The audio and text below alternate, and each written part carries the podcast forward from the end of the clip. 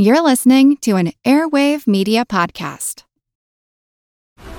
This episode is brought to you by FX's The Veil, starring Elisabeth Moss. FX's The Veil is an international spy thriller that follows two women as they play a deadly game of truth and lies on the road from Istanbul to Paris and London. One woman has a secret, and the other has a mission to reveal it before thousands of lives are lost. FX's The Veil, now streaming, only on Hulu. When you need mealtime inspiration, it's worth shopping Kroger, where you'll find over 30,000 mouthwatering choices that excite your inner foodie. And no matter what tasty choice you make, you'll enjoy our everyday low prices, plus extra ways to save, like digital coupons worth over $600 each week. You can also save up to $1 off per gallon at the pump with fuel points. More savings and more inspiring flavors make shopping Kroger worth it every time. Kroger, fresh for everyone. Fuel restrictions apply. This is Kick Ass News. I'm Ben Mathis.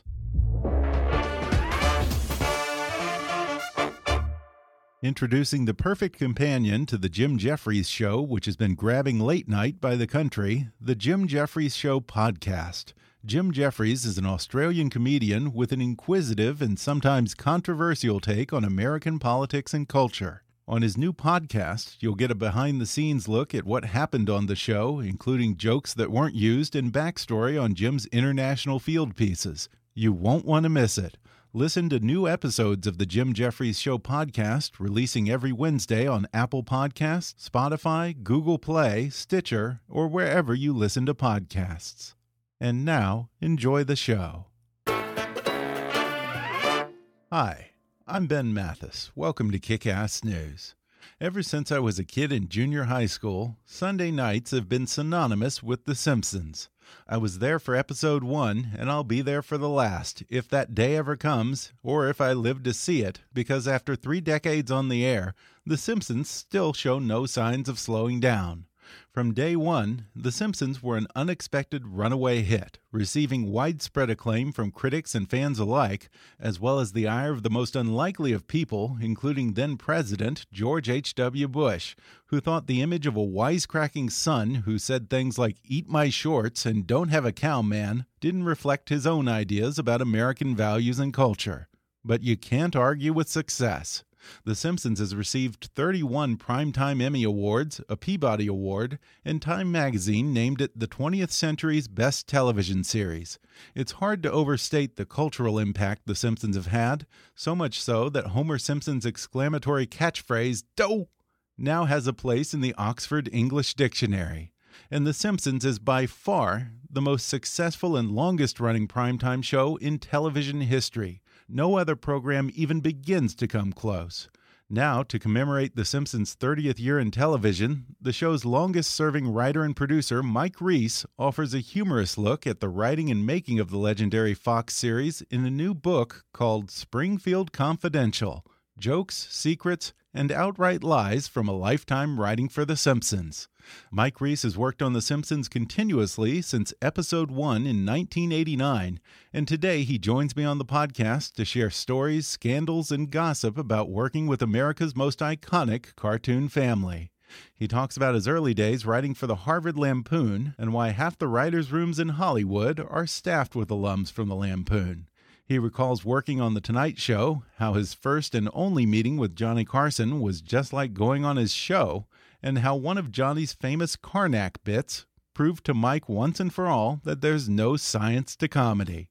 He discusses coming on board the first episode of The Simpsons, how no one had very much confidence in a primetime cartoon, least of all the newly formed Fox network, and how The Simpsons became a cultural phenomenon right out of the gate. We talk about how many characters on The Simpsons are just bad impressions of old movie stars, how the writers create celebrity guest roles just so they can meet their childhood heroes, and Mike shares a few of his favorites, as well as the ones that got away. He talks about The Simpsons fans' love hate relationship with the show, some of the crazier fan theories swirling around The Simpsons, the show's complicated relationship with Seth MacFarlane's Family Guy, and why certain countries have banned and even sued The Simpsons. And speaking of getting banned, Mike talks about his wildly popular series of children's books and how one of them got boycotted by the Texas Board of Education. coming up with the hilarious Mike Reiss in just a moment.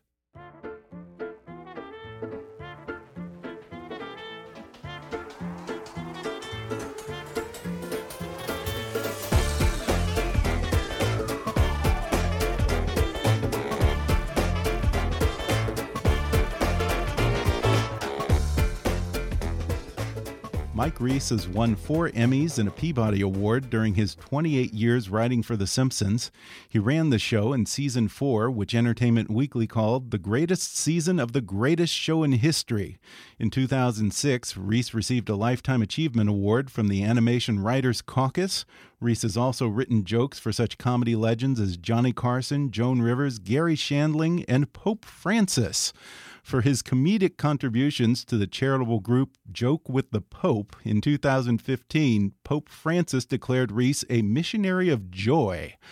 Now he's written a wonderful new book titled Springfield Confidential Jokes, Secrets, and Outright Lies from a Lifetime Writing for The Simpsons. Mike Reiss, Hi, thanks so nice much for talking here. to me. Here we are.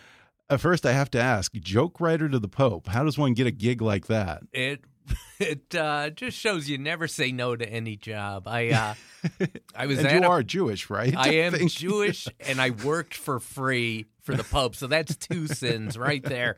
Um, I was at a party with a, a big Irish Catholic friend of mine whose family is all priests and nuns, and his mother is a nun, and his father is also a nun, and there was a priest at the party who's the head of Catholic Charities, and he said to me, "Do you do you want to see the Pope's app?" And I go, "You said app, app. right? Yeah." And uh, the Pope had an app, jokewiththepope.org, where people uh, would just send video themselves telling jokes to the Pope, and somehow this was supposed to help charity. Some he said it benefits a uh, orphanage in Venezuela, and I kept asking how, how, what do the, these orphans get a good laugh out of this? All the ones with smartphones. However, it worked. Uh, part of the part of the app involved celebrities telling jokes to the Pope, and so one day at midnight. The the priest writes to me. He says, "I need a joke for Al Roker to tell the Pope, and it's got to be clean, and it's got to be r- about religion and about the weather." So, Okay. so I go, "Well, so not there's funny. there's my yes. Funny was never uh, a Never on the thing, qualifier, yeah. never a criterion. So, so that was my Sudoku for the night. Right, a clean Catholic weather joke for the Pope, and I did it. And so the next night he writes me again. We need one for George Lopez. We need one for David Copperfield, and I just did it. It was just something to do, and why not? And then at some point the project ended. I, I think they realized, gee, I think they realized all the orphans would rather have oatmeal than celebrity jokes. so the project ended. The priests threw hmm. themselves the most lavish party I've ever seen.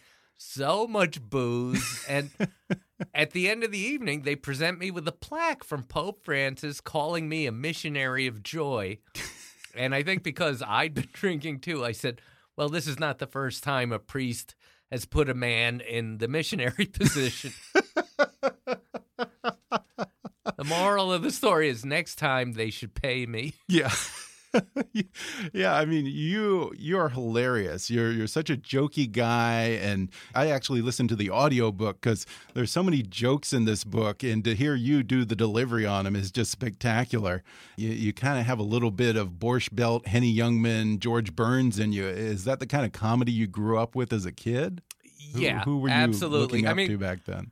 Uh, the guy I gravitated to on TV as a kid was I, I loved the Dick Van Dyke Show, and in fact, I still do. I think it's it. There's probably no better sort of straight ahead sitcom than that one.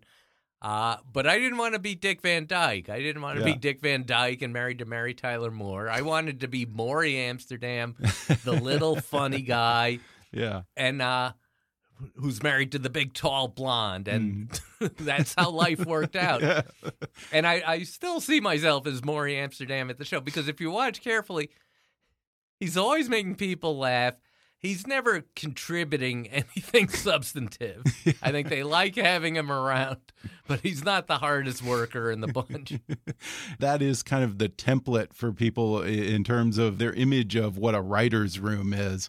What's it like on the Simpsons writer's room? Uh, You know, every couple of years they send a camera crew there to Oh, yeah. film the craziness, and there is no craziness. It's just a bunch of guys sitting around a table thinking. I Yeah. mean, that's it. There's nothing to film, and the camera crews always get so mad, and they'll walk out uh, after two hours. And I've seen it. At one point, they went and filmed something else and pretended it was the Simpsons rewrite room because it's very amusing. It's very fun. It's I sit in a room with let's say eight of the funniest people in the world and we're doing a job. It's work. We look at a script, we go line 1. Anyone got anything better and we think and people throw out lines and if something makes half the room laugh, Yeah. it goes in the script. It could not be more democratic. But once we get that line down, then we move to the second line and then the third Yeah. line. It's just a Really? grind. It's just an That's assembly line. surprising because you know the image is that a lot of time is wasted in the writers' room. You know, you spend an hour just bullshitting around about everything, what's in the newspaper, or what was on TV last night, and then you spend probably about ten minutes actually working on the work for the show. We it goes back and forth. Yeah. There's, there's about I don't know, let's say 40 minutes of break time every hour.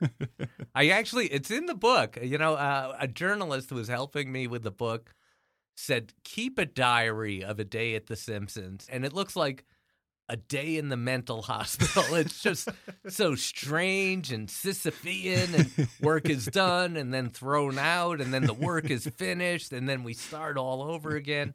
Yeah, and half of the writers' room of The Simpsons comes from the Harvard Lampoon. I know that's actually where you met Al, I think. You say that the Lampoon isn't actually that funny. So, how come just about every show in Hollywood has at least one Lampoonie on the staff? Yes, it's very interesting phenomenon in that the Harvard Lampoon is extremely hard to get on. It is really hard. It is a competition. Yeah. It's not a frat. It's not a fun house.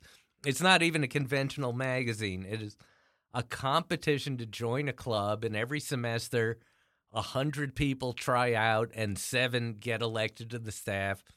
Almost nobody gets on the first time. I didn't get on the first time Oh, I really? tried out, and one of the probably the funniest guy working in TV right now is Dave Mandel. He runs the show Veep.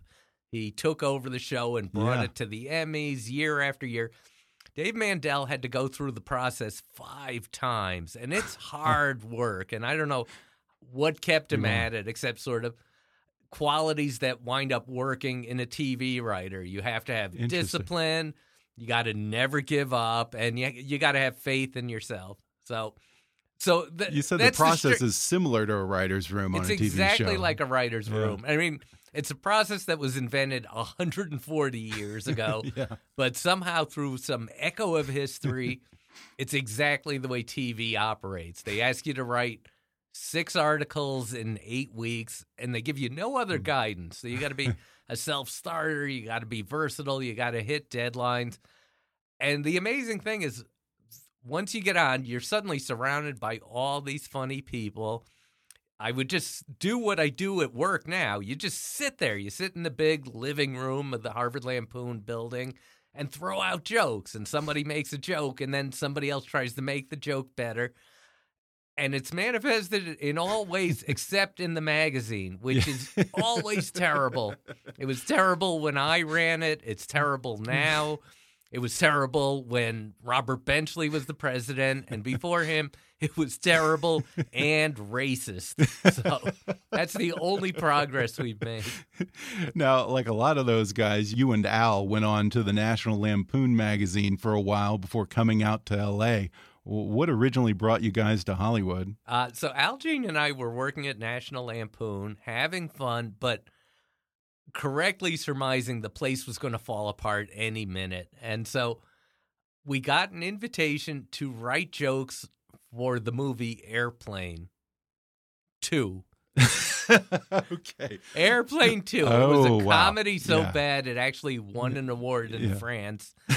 and we were doing it long distance first. Oh, we would okay. work at National Yeah. Lampoon, and at night we would just mail in jokes to Airplane Two, and it and finally one day they called us up. They said, "Can you be on the set tomorrow?" It was Sunday. They said, "Can you be here Monday?"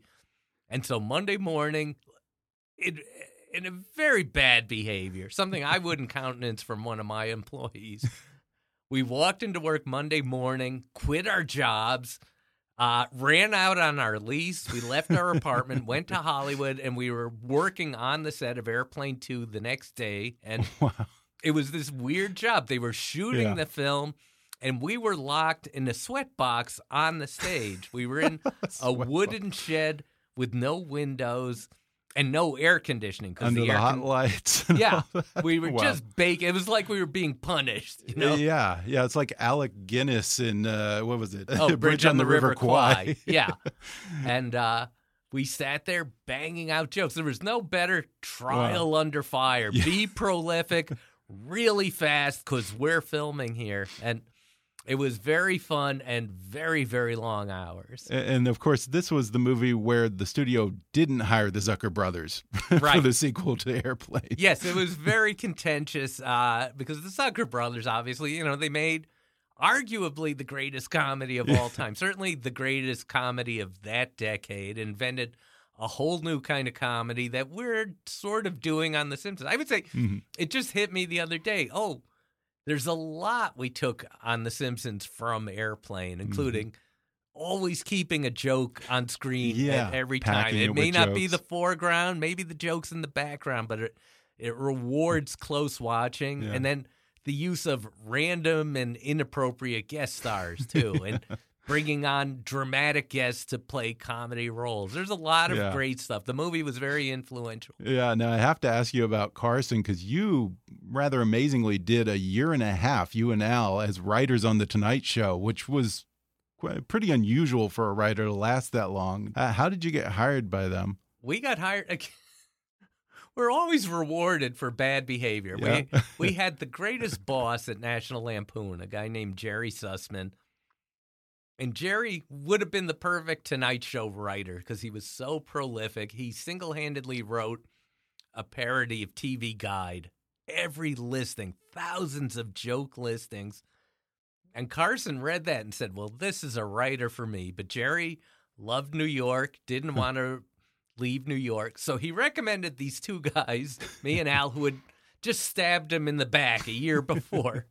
Very generous. And so uh, we were asked to write a packet of material for Mhm. Johnny Carson in two days, and we cranked it out. And we were hired pending an interview with Carson. Now, Carson, I have to say, never saw his writers, never met his writers Yeah, that's what I've heard. but you had to be interviewed by him. And we walk into his like? office, and his office looked exactly like the Tonight Show set. And he sat behind a desk, and we sat on a couch, and he talked to us for 12 minutes, which is the length of a Tonight Show segment. Yeah, exactly. And it was amazing. And he was so charming. And he finally said something that got a laugh. And we laughed. And then he just sent us out. And if he could have cut to commercial, he would have done that. But that was the man. That was the.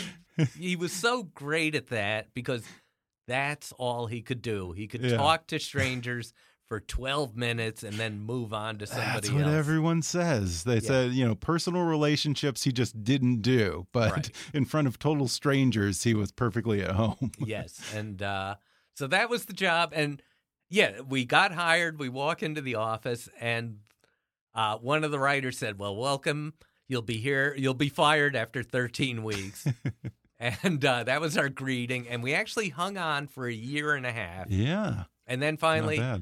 We got fired and we went off and we got another job and two weeks later he offered us our jobs back as if somehow we'd become much better writers in the two weeks in the wilderness but uh, we didn't come back but then we were able to lure johnny out of retirement one of the That's very The few Simpsons. things he did after Yeah. leaving the tonight show was come on the simpsons and it was a great experience and it was nice to see him again And he didn't want to do your original bit that you had written for him for The Simpsons, right? Yes, we had written him. I considered a very inspired bit. He had just retired from his talk show, and he's coming to Springfield, I think, for a fundraiser. And he moves in with the Simpsons and never leaves because he's got nothing to do and nowhere to go. And he becomes the bad uh-huh. brother in law living on the couch, drinking Homer's beer. Okay. He was And- pretty sensitive though, so that probably cut a little too close to the bone, huh? It, that was it. He just never Yeah. replied. And I finally called his producer. He said, Jesus Christ, what are you doing to Johnny Carson? I've never seen the man so offended. And so the staff was ready to give up on him. And then I said, let's go the other way. Instead of making him a bum, let's make him a superhero. So we had him Okay. singing opera. Played we had him ego. juggling a, a Chrysler with one hand.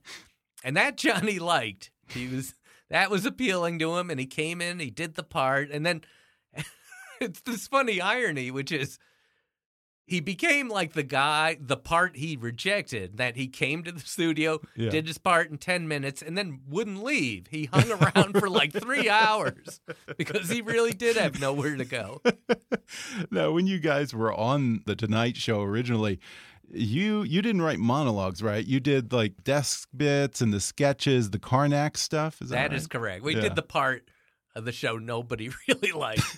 and in fact, even me, I watched The Tonight Show my whole life. I somehow never realized he did a piece of material every night. He did the Mhm. monologue, and then he would either do a sketch or more often he would do like some list material sitting at his desk. Here's 10 tips to beat the heat, or here's what striking auto workers are asking for, or something like here's here's psychic predictions for the coming year. And those bits always sucked. They Yeah. they were never really great.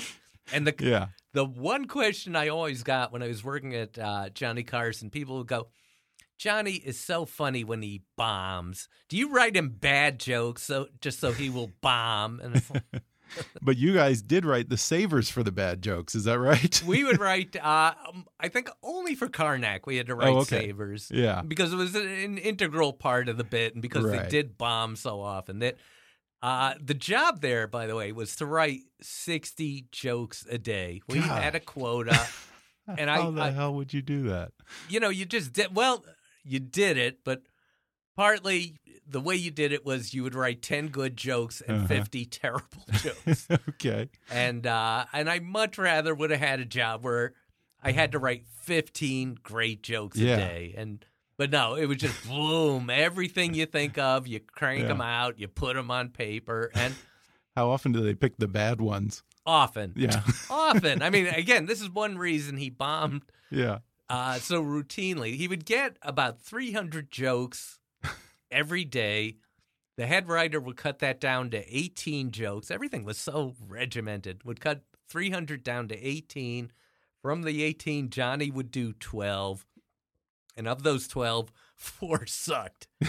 So I tell the story in the book I'm very proud of, which was I wrote the worst Karnak ever. Oh, you think so? I wrote this Karnak. Uh, I'll tell it, but I mean, it's it's. I hate telling it because people go, "Well, that's not funny." Oh, wait. yes, Uh, is this the Gorbachev one? it's the Gorbachev. okay. Yeah. and do it was, tell that. you know, it was one of the fifty terrible jokes I had to crank out that day. So the joke was red square, and the answer was, "What do you call that blotch on Gorbachev's head?" okay. So- oh, yeah, yeah. So Carson goes on oh, the Okay. air. I see him do that joke. I don't know why it got picked. He does the joke, and it didn't even bomb. It just it ended with silence, and you could tell the audience is just sitting there going, "And the where's the joke? And will that be coming anytime soon?" And so it was awful, awful. And I saw how angry Johnny was Oh, on the air, and so okay, I survived that. Six months later, he's doing Karnak again. And through some clerical error, they've given him the exact same Karnak, red square, Oh Gorbachev's my head. God. And he go, and I thought, I'm doomed. This is the end of me. Yeah. I'm packing up my desk. Were you running toward the cue cards? No. Throw yourself on the bomb. it's so funny.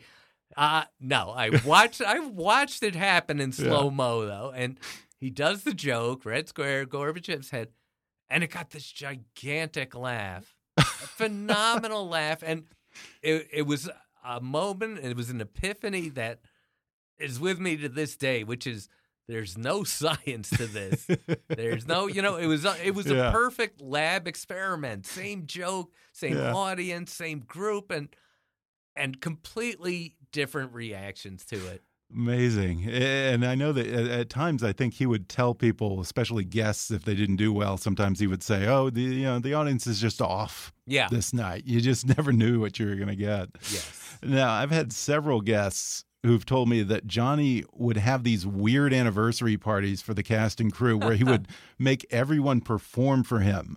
Al didn't tell me very much other than I guess you guys did some kind of Gypsy Rose Lee Tempest Storm esque burlesque routine. Can you elaborate on that? Yes, I can. Yeah, Johnny, he would he would throw himself an anniversary party. It was very lavish, but he would pick people randomly. I, I'm sure off a staff list because he didn't know who anyone was, and said, "They Right. shall perform for me."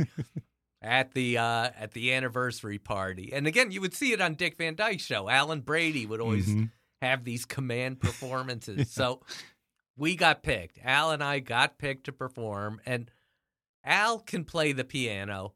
I have no talent whatsoever. there is nothing I can do. So we confabulated this routine where I came out in a bathrobe in what looked like a fat suit. I looked enormous. And Al played I think he played Mussorgsky. He was playing some of the great he was playing a classical Russian piece on the piano. and then I come out in the big bathrobe and then I take off the bathrobe to reveal I'm uh, covered in balloons. And I smoke a cigar and in time to the music I pop the balloons. the end. And you know, my By job was in your safe underwear another day. end? I was I was wearing Yeah. a t-shirt Yeah. underneath the balloons that said "I heart Johnny," when it should have said "I need a job badly." We're going to take a quick break, and then I'll be back with more with The Simpsons' Mike Reiss when we come back in just a minute.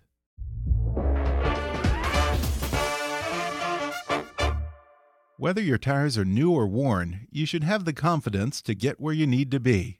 That's why Michelin designed the Michelin Premier tires with worn performance in mind. Michelin Premier tires are built to maintain wet braking performance throughout the life of the tire.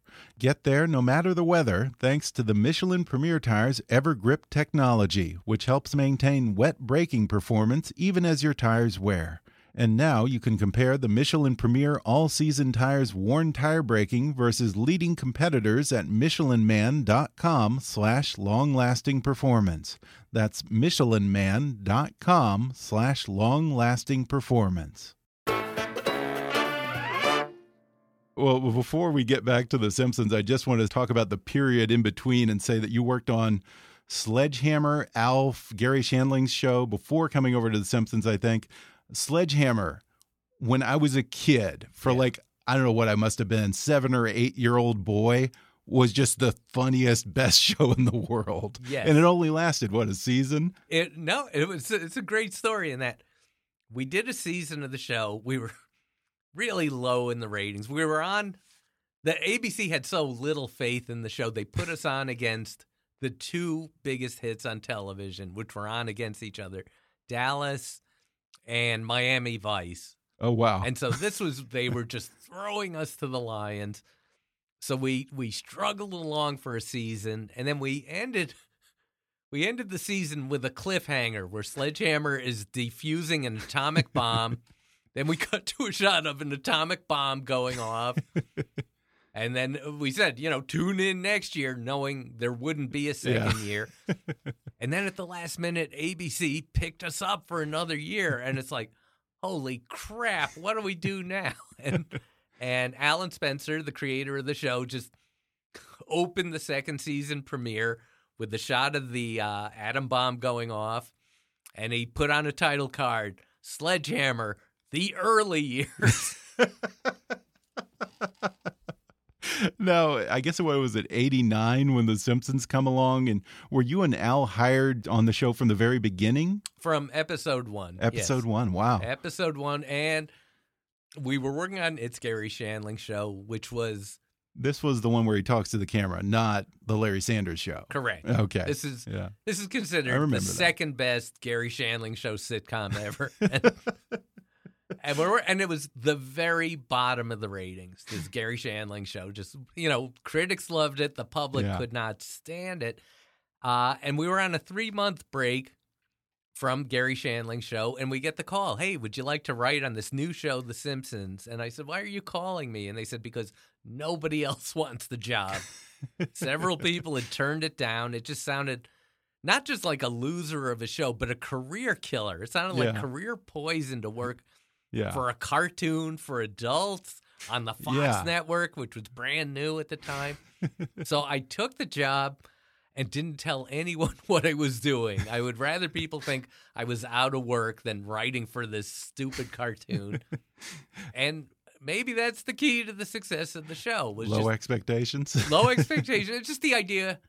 We thought, you know, there were about six of us going, Mm-hmm. no one's going to watch this. So let's just have fun. And if no one's going to watch it, no one's telling us what to do. Let's jam it full of the kind of things we'll never get a chance to do Yeah. on TV again. Yeah, because there hadn't been a primetime animated show since the Flintstones, which was decades earlier. I mean, how risky was this? Did Fox have very much faith in the show? They had no faith, Yeah. certainly. I mean, we were in a trailer and they had to make a commitment to it, though. I mean, Yeah. to their credit, it's you can't just pick up one episode of an animated show. Oh, yeah. You have to, you know, because they take a year to make. Uh, you can't just make a pilot and then go make 12 more. And it's like you'll say, all right, I'll be back in two years with the rest of them. So they committed to 13 out of the box. And, and animation is expensive on top of that. And again, yeah. Because it had been a generation since the Flintstones, no one even knew how to make it. No one knew the process of making a weekly animated show. So tremendously risky. And then the story, which I think the fans know, is we just we made them, we sent them off to Korea to be animated, and then South just- Korea. South the Korea, record. the Yeah. nice. Uh, well, they're all our friends now. That's What's the difference? So, the first episode finally comes back from Korea. We gathered the writers, the producers, and all the Fox executives who had put up all the money for it. The first episode comes in, we watch it, and it's catastrophic. It's not just bad; it's it's springtime for Hitler. It was just really? disastrous and the script was not great it's a pilot it was finding its way uh, but on top of that the animation was just a disaster it was it uh, clearly i know that the director had no faith in the script and just stuck a bunch of weird jokes in it and everybody looked very rubbery it looked like spongebob kind of it was very weird and awful Yeah. and we thought we were dead. The show nearly got canceled before it ever put one episode on the air. And then, luckily, a week later, episode two came in, and that was a little gem. And uh, that was the one that set the tone for the show. Yeah, but I can re- still remember those early episodes back then, even once they started to get it right. The animation was just so bad back then. And for some reason, I don't know why, but I remember Homer kind of sounding like he doesn't sound like Homer now. He No. sounded like Walter Matthau or something. He's like, come here, boy. That's very good. It was. He was just. It was Dan Castellaneta Yeah. doing Walter Matthau. It was a flat out impression, and he realized, I think, somewhere during the first season that Walter Walter Matthau has no emotional range. He can't be. you know, you can't picture true. an exuberant Walter Matthau, and especially Homer's got all these highs and lows. yeah. So he adjusted the voice and found that voice that he stuck with all these years. How many of the characters on the show are just Dan Castellaneta or Azaria doing bad impressions of old Hollywood stars? Yes, an awful lot of them. I would say, particularly Hank Azaria, who Mhm. admits to it freely. That just and what I like is his impressions are so bad, you can't believe that's what he's going for. Like Moe the Moe the bartender is Al Pacino, and it's like, okay. all right, if you think so. And uh, the funniest one is Eddie, Eddie the black cop. The uh, Oh, who's he? no, no, Lou. Can you believe I can't tell? I think it's Lou, Okay. the I know, black cop, yeah. Chief Wiggum's assistant, is is supposed to be Sylvester Stallone. Really? Yeah, I oh know. wait, I can. Okay, I'm picturing that. Yeah. All okay, right, Chief. Yeah. Yeah. Yeah. And of course, Wiggum is Edward G. Robinson. Yes, very that's a good one. blatantly.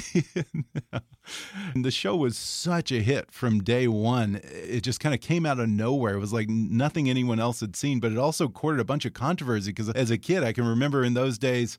Like Barbara Bush and C. Everett Koop for some reason Oh, wow, were all weighing in remember on. The Simpsons.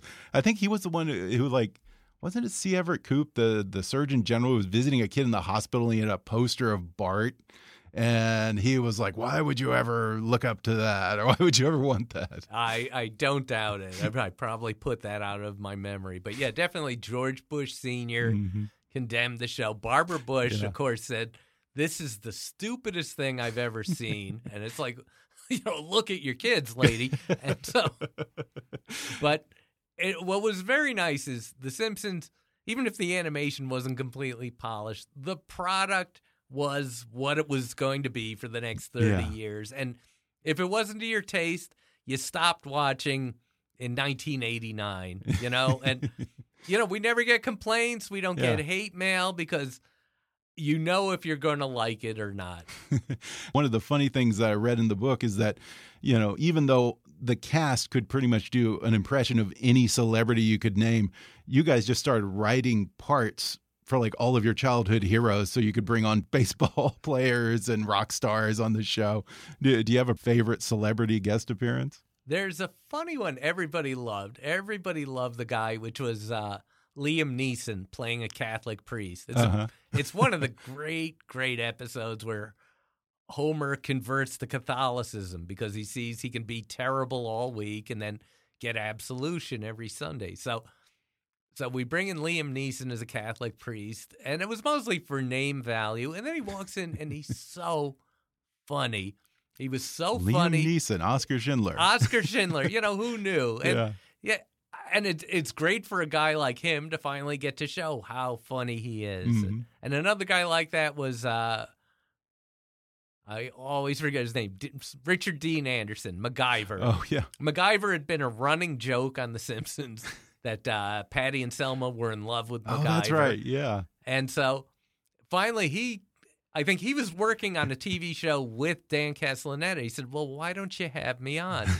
so we go, Great. We wrote a whole episode for Richard Dean Anderson, and he comes into our table reading and he does what nobody does, which is he started ad libbing. And he was hilarious. He had so many good jokes, and they went in the No script. and kidding. who knew? Yeah. Who knew he was funny? now, have you had certain celebrities that are like your white whale, the people you can't get on the show, the one that got away? There's, you know, there's really only one. Really? Who's There's that? there. I mean, I should say, uh, we've never had a U.S. president. We keep Okay. asking. I think we're stopping this time, but we've asked Yeah, every U.S. this time. president from Gerald Ford to Barack Obama to be on the show. They all said Mhm. no. Uh, Michelle Obama turned us down. The only U.S. politician we've ever had on the show, and mind you, we had Tony Blair, Prime Minister of England. Oh, that was really him. that was him. yeah, I. We'll get to that in a second. But okay. Tony Blair said yes. Every U.S. politician has said no, except Rudolph Giuliani. He came in. He recorded. No, you're looking like, oh yes, I to remember, that remember the- episode. well, I'm no, you didn't to. see him. I mean, I remember it so clearly. I helped direct him. He was very funny. It was a funny part where uh, Santa's little helper goes to police school. And Giuliani has to give the commencement address at a police dog school, and he he said to me, he says, "I've had to do this, so He's really had to do a He's had to talk to a bu- at a dog graduation, and he may be doing it again. So we record the part. It was very funny, and then he announced he was running for president, and by whatever fair use laws, whatever Oh, equal really? time laws, Oh, that's hilarious. Fox told us if you have him on the show, can't you have it. to have all 16 candidates on the show. So. that's amazing. And I didn't realize this. I had forgotten it because it was so clear in my mind, but he never appeared on the show. now, The Simpsons always, like we said, packs so many jokes into every single episode and so many cultural references into a single episode. That has to be demanding because I'm assuming if you're a writer on The Simpsons, you've got to be well read, you've got to be up on the news, on pop culture, have all kinds of obscure references at the ready. Yes, it's you know every episode is the work of ten or twenty writers. One person, even our best writer, can't write a Simpsons alone.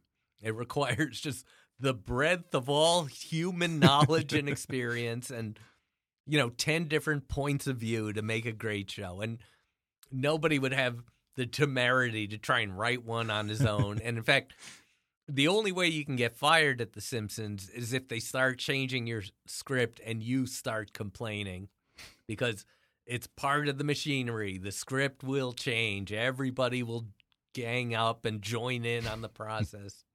My impression, and most people's impression, is that Simpsons was always very cutting edge and tapped into the cultural zeitgeist. But you say that apparently just the production process of an animated show like that kind of precludes topicality. It is not topical.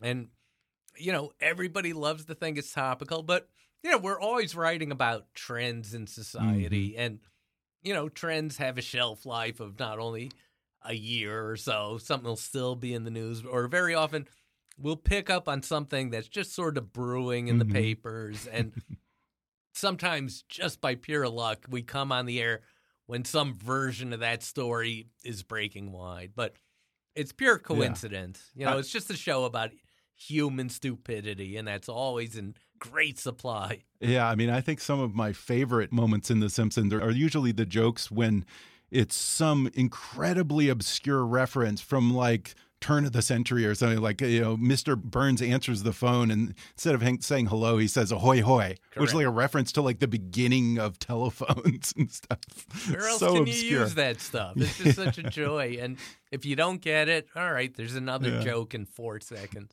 now I mean over the course of 30 years this is by far the longest running television show how do you do so many episodes without repeating yourself We, I'll give you the secret weapon because we were just talking about him, which is Al Jean. Al Jean, on top of being just a brilliant comedy writer and uh, uh, the hardest working man in show business, you know, forget forget James Brown.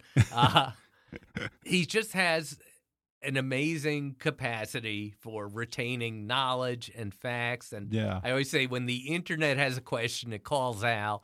And, and so I one day I pitched a joke. We were working on a joke where grandpa is at the nursing home and he goes, I want to watch TV. And somebody says, Who died and made you boss? And he said, Fred. And he, po- he points to Fred, who's dead on the ground holding the remote. And everybody laughed. And then Al said, I think we've done that. And he talks to the secretary and he says, pull up script 7F17. He doesn't say, pull up the script. We have all the scripts archived. He doesn't say, pull up the one where grandpa gets a boat or something like that. He says, pull up the seven, Wow. 17th episode of, of season 7, 22 years ago. And she pulls up the script on her monitor. He goes, go to page 30, 31, 32. There's the joke. Let's keep pitching. It's like, I would have gone out. I would have taken a victory lap and Yeah. bought champagne. Oh, look what I just did. But That's incredible. yeah.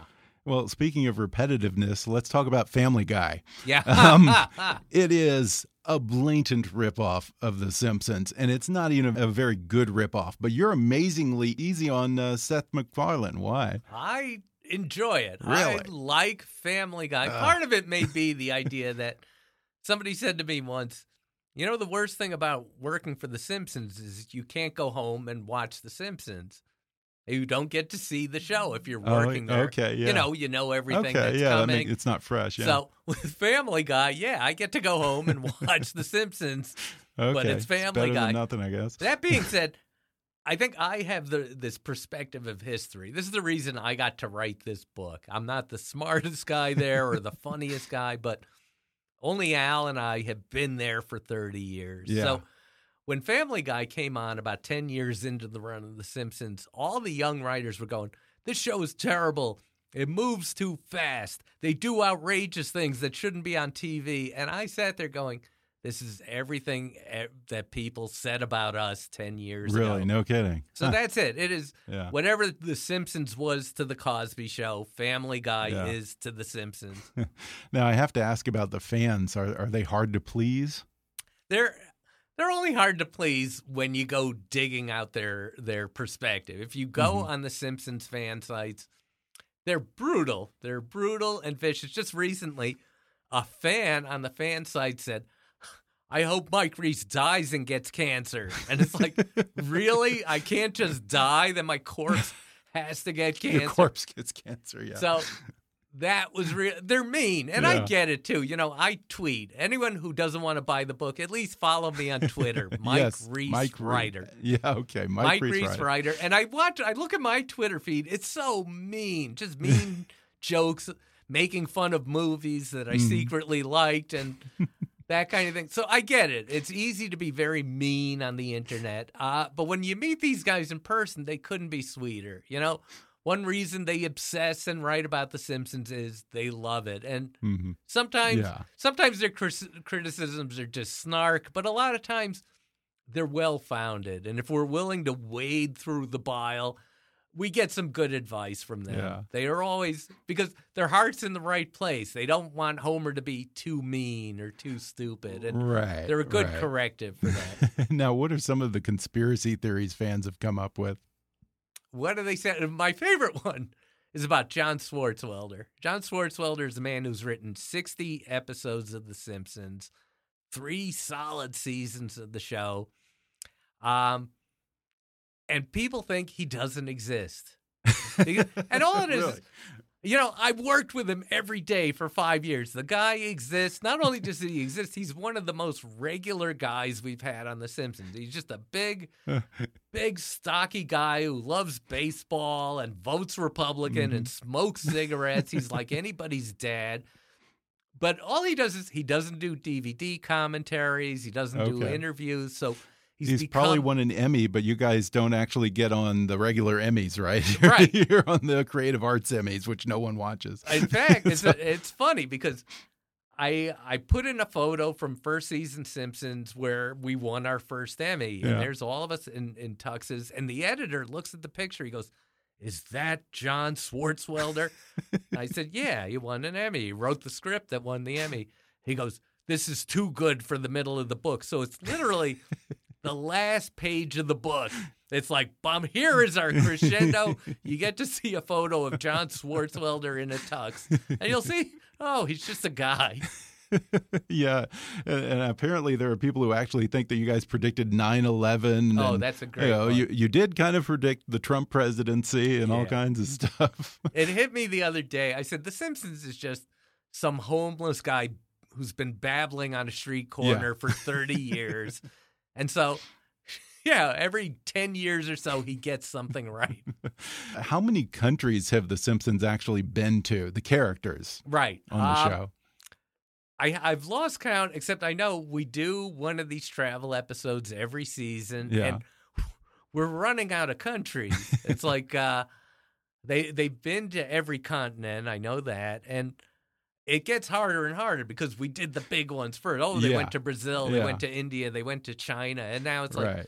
All right, can they go to Cameroon? You know, yeah, who, who- yeah, who has any Cameroon references? Right. They've even been to they've been to the Netherlands. Do we have to Yeah. take them to Belgium now? I, I don't know. So Yeah. Uh, it's the world's fault. It's not the world is not big enough for the Simpsons. Yeah, and I think you said in the book that every country loves the Simpsons until the Simpsons actually visit their country, and then they hate them.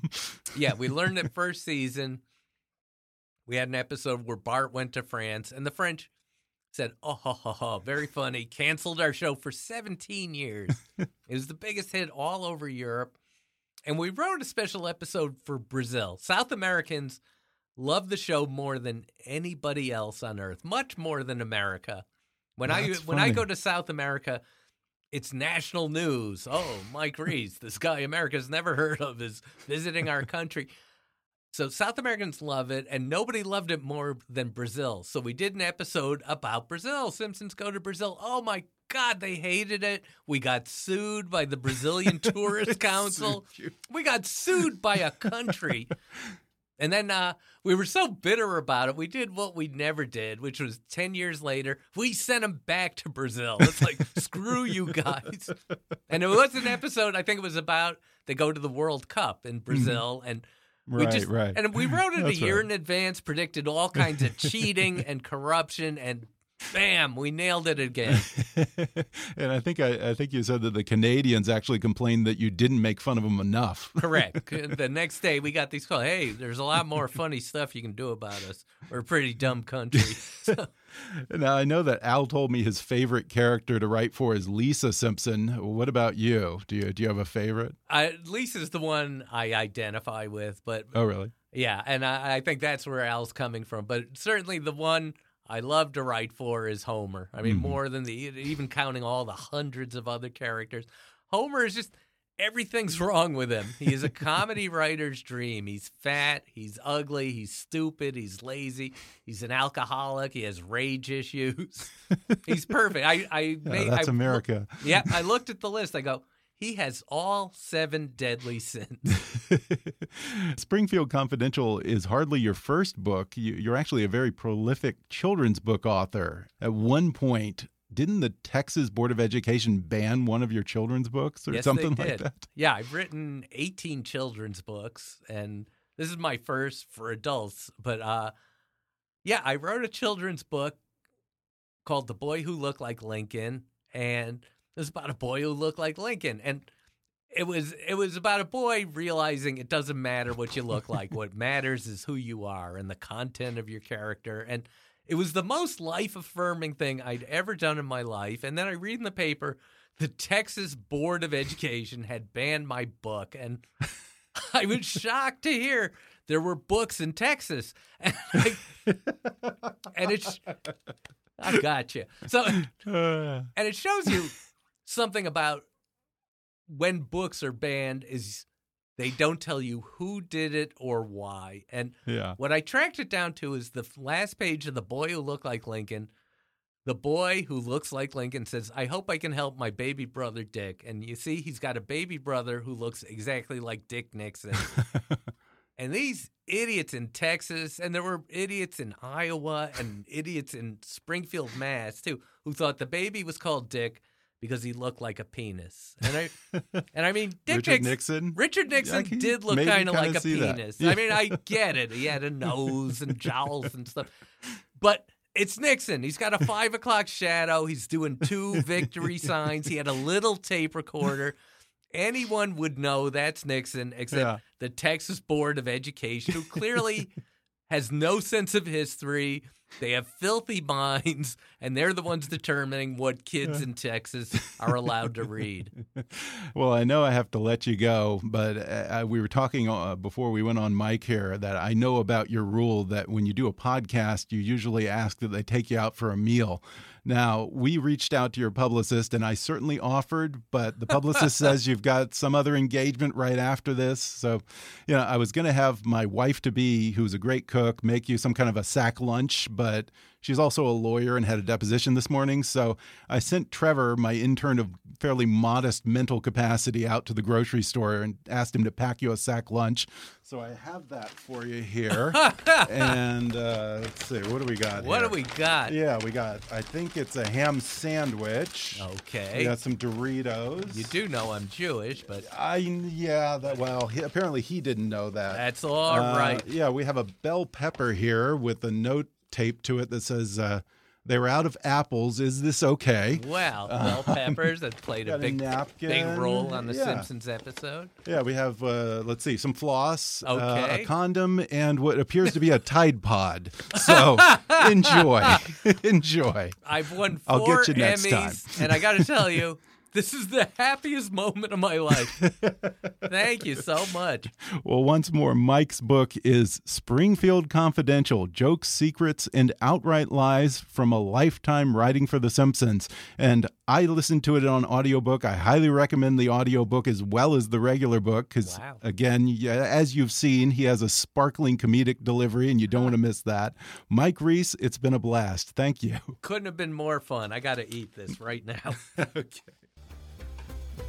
Thanks again to the hilarious and delightful Mike Reiss for coming on the podcast. Once more, you can order Mike's book, Springfield Confidential, on Amazon or Audible, and catch The Simpsons Sunday nights on Fox. Mike Reiss is also a great follow on Twitter. His handle is at Mike Reiss Writer. Hey guys, I'm such a big fan of Dollar Shave Club, and I'm so happy to have them as a sponsor on the show. Dollar Shave Club delivers everything you need to look, feel, and smell your best. You name it shampoo, conditioner, body wash, toothpaste, even wipes to keep you feeling clean. And here's a great way to try a bunch of Dollar Shave Club's products. For just 5 bucks, you can get their Daily Essentials starter set. It comes with body cleanser, one wipe Charlie's, their world famous shave butter, and their best razor, the 6-blade Executive. Keep the blades coming for a few more bucks a month and add in shampoo, toothpaste, and anything else you need. So show your support for the show and check it all out at dollarshaveclub.com slash kickass. That's dollarshaveclub.com slash kickass. Whether your tires are new or worn, you should have the confidence to get where you need to be. That's why Michelin designed the Michelin Premier tires with worn performance in mind. Michelin Premier tires are built to maintain wet braking performance throughout the life of the tire. Get there no matter the weather thanks to the Michelin Premier Tire's EverGrip technology, which helps maintain wet braking performance even as your tires wear. And now you can compare the Michelin Premier All Season Tires worn tire braking versus leading competitors at michelinman.com slash long-lasting performance. That's michelinman.com slash long-lasting performance. If you haven't already, be sure to subscribe to Kickass News on iTunes and leave us a review. You can follow us on Facebook or on Twitter at, at KickassNewsPod. And as always, I welcome your comments, questions, and ideas at comments at kickassnews.com. I'm Ben Mathis, and thanks for listening to Kickass News.